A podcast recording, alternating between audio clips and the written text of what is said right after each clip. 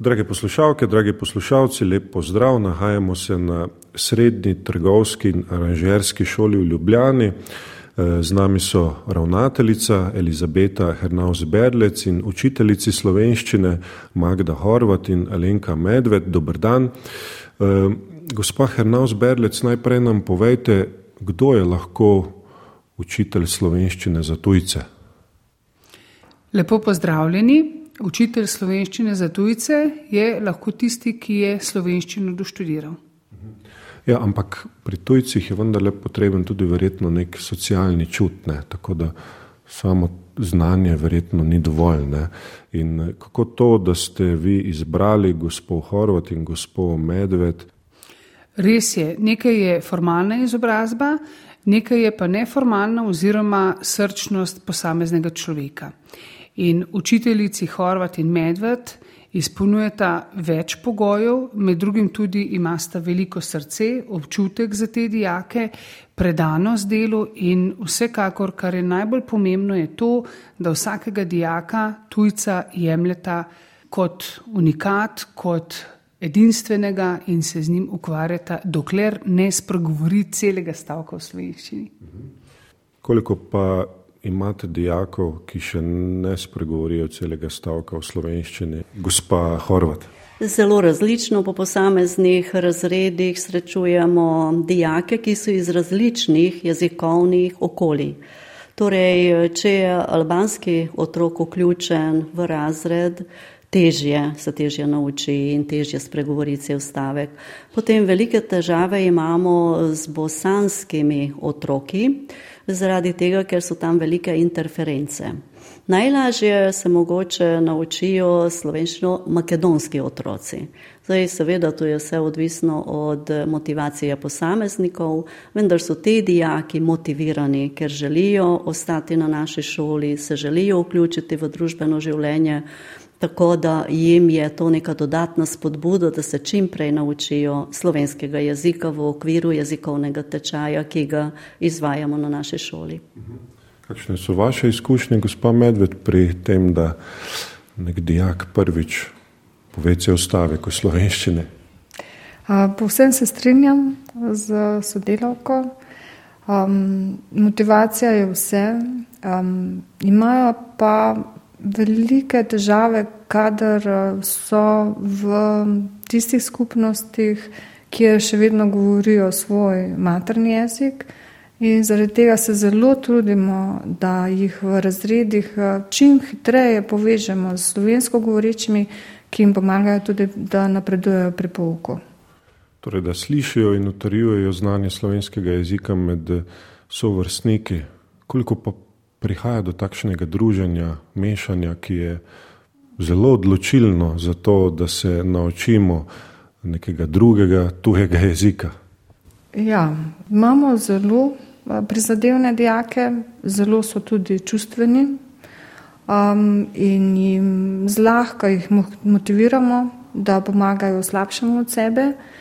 A, tako da nimamo primerov, da bi jih zaničevali ali kakorkoli se nočevali iz njih, resno jim pomagajo. Mhm. Ja. Kako vidve dojemata svoj poklic?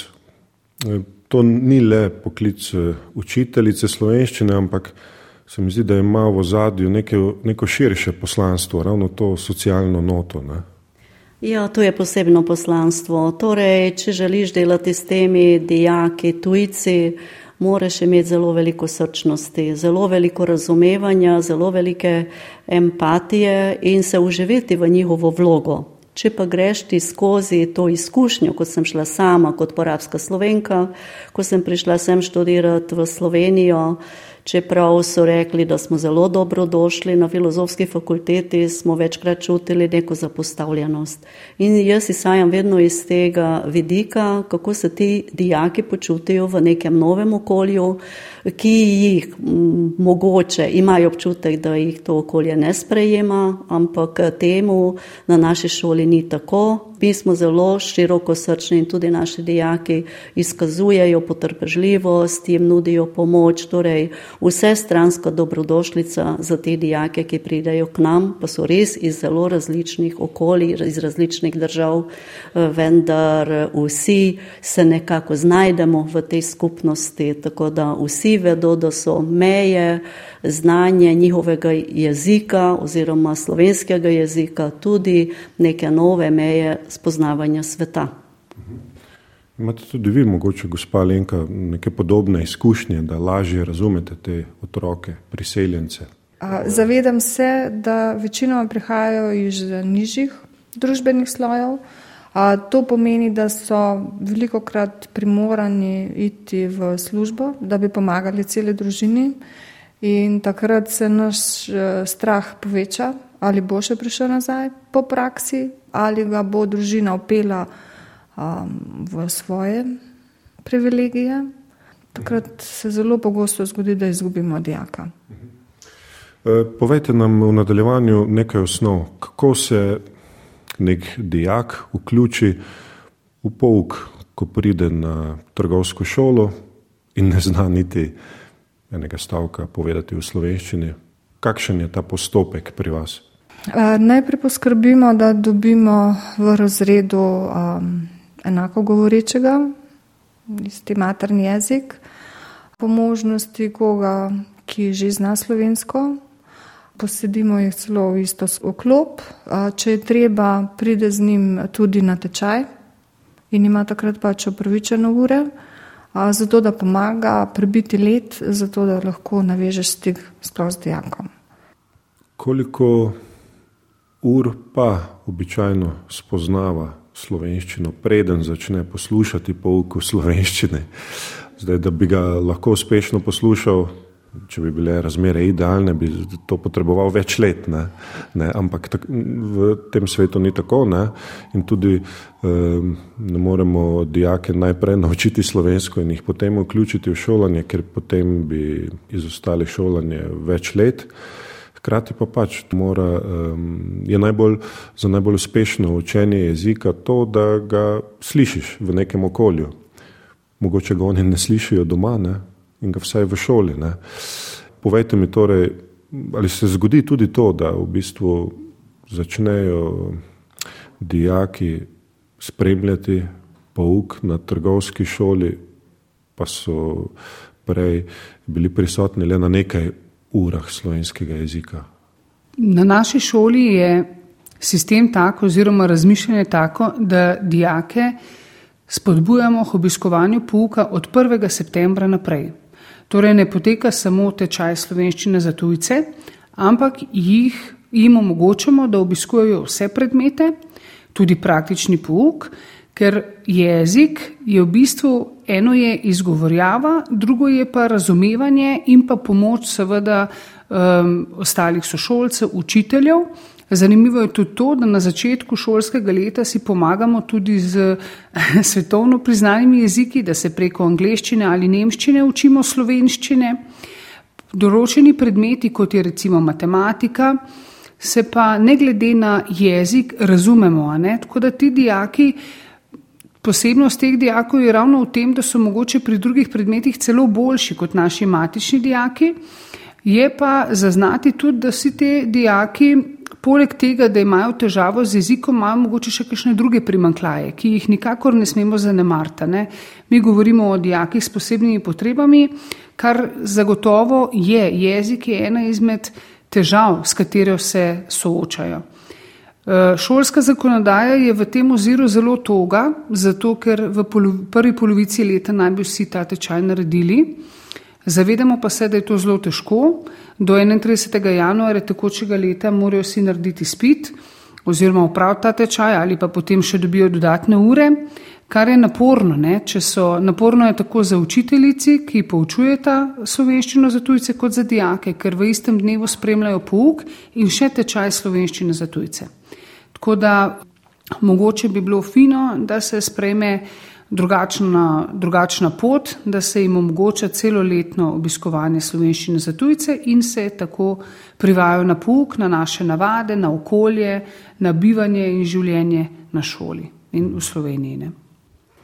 Ali je mogoče sploh uspešno izdelati kakšen letnik brez eh, nekega širšega znanja slovenskega jezika? Oziroma, kako, kako sploh izdelujejo dijaki na vaši šoli eh, letnike? Koliko jih izdela letnik, koliko jih zaključi šolanje? Ja, seveda je mogoče. Um, mi na no, naši šoli zelo povdarjamo, um, da imajo dijaki status tujca. To jim napišemo tudi v e-dnevnik, je asistent. Tako da vsi učitelji a, prilagodijo pouk tem dijakom samo zato, da bi a, postali uspešni. In kakšno je to prilagojevanje? Ja?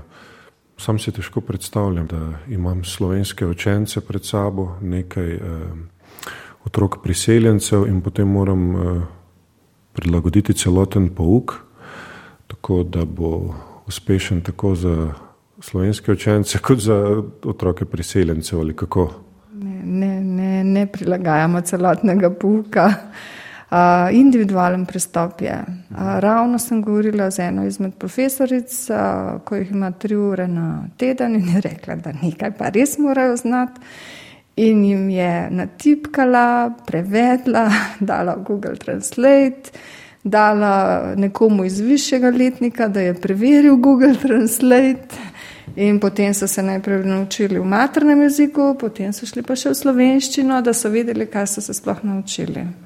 Ne, seveda je minimalni standard. Ja, samo zato, da zaživi, da steče življenje. Ja, ti dijaki pridajo z določeno motivacijo. Torej, eh, v glavnem so ti dijaki vključeni v program trgovec in ta poklic je v njihovih državah zelo cenjen.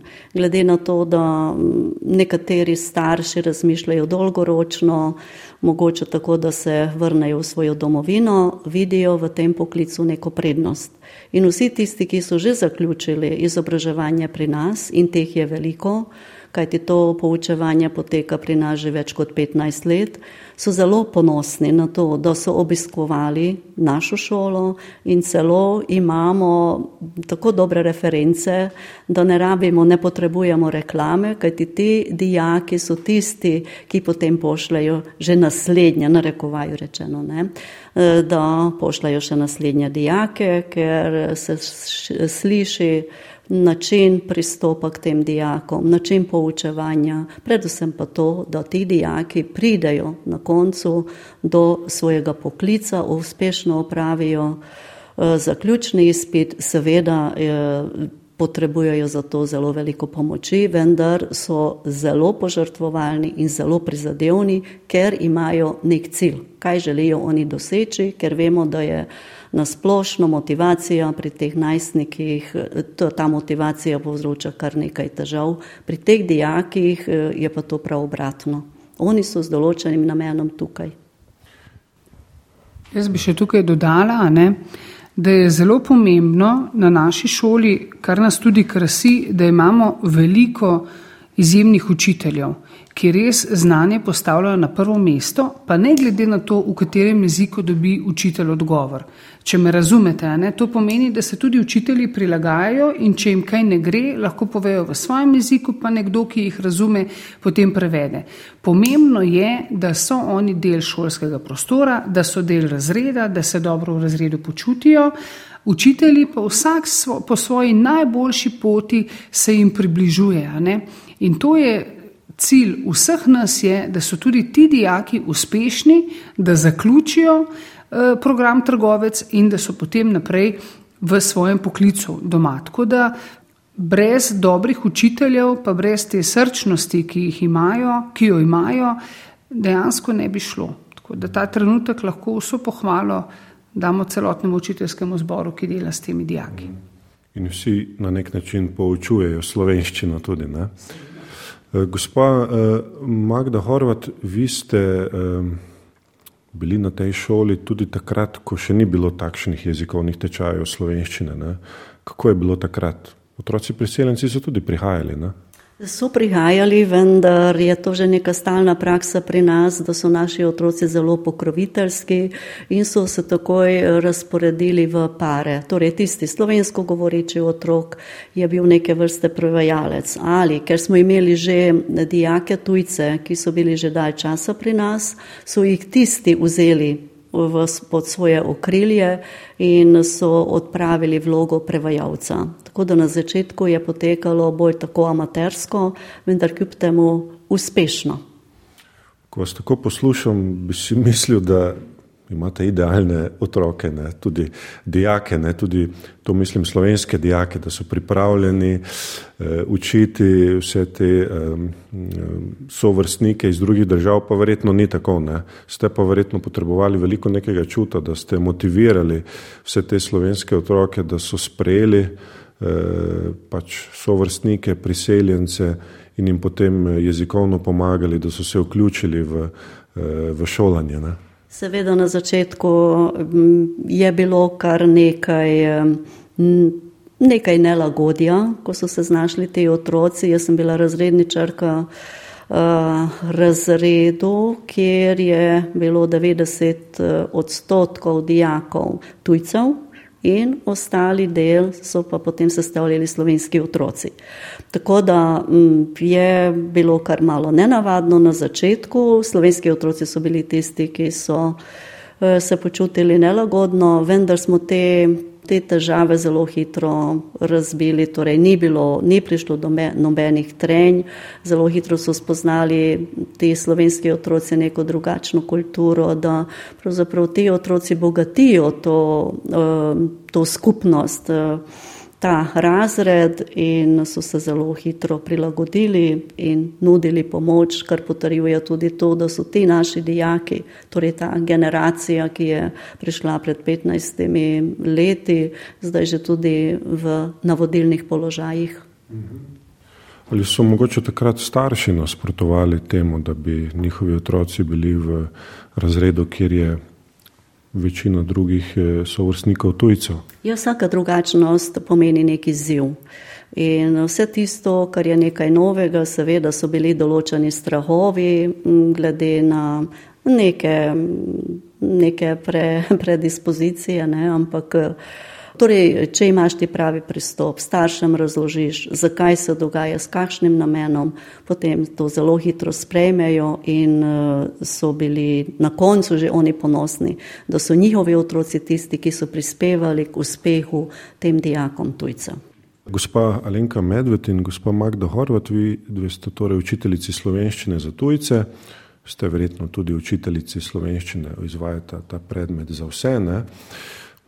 Ali, ste, ali imate dvojno delo zaradi tega, ali imate zaradi tega povečan obseg dela? Ne? Ker, kolikor vem, na drugih šolah eh, ni, ni namenjeno posebno delovno mesto temu učitelju slovenščine za tujce, ne? ampak eh, mora to delo prevzeti nekdo, ki že upravlja neko drugo delo. Ne? Eh, ja, povejte nam, ali ste zaradi tega malce bolj obremenjeni kot vaši kolegi. Mm, ja, to je res. Sem kar nad, nad poprečno obremenjena, sploh ker je treba to narediti v roku prve konference. Mi gre vodstvo šole zelo na roke, kar sem zelo hvaležna, več čas me podpirajo, ampak dejansko vsako prosto uro dam za tečaj. Ja. Jaz sem v zadnjih letih že malo izuzeta iz tega celotnega procesa.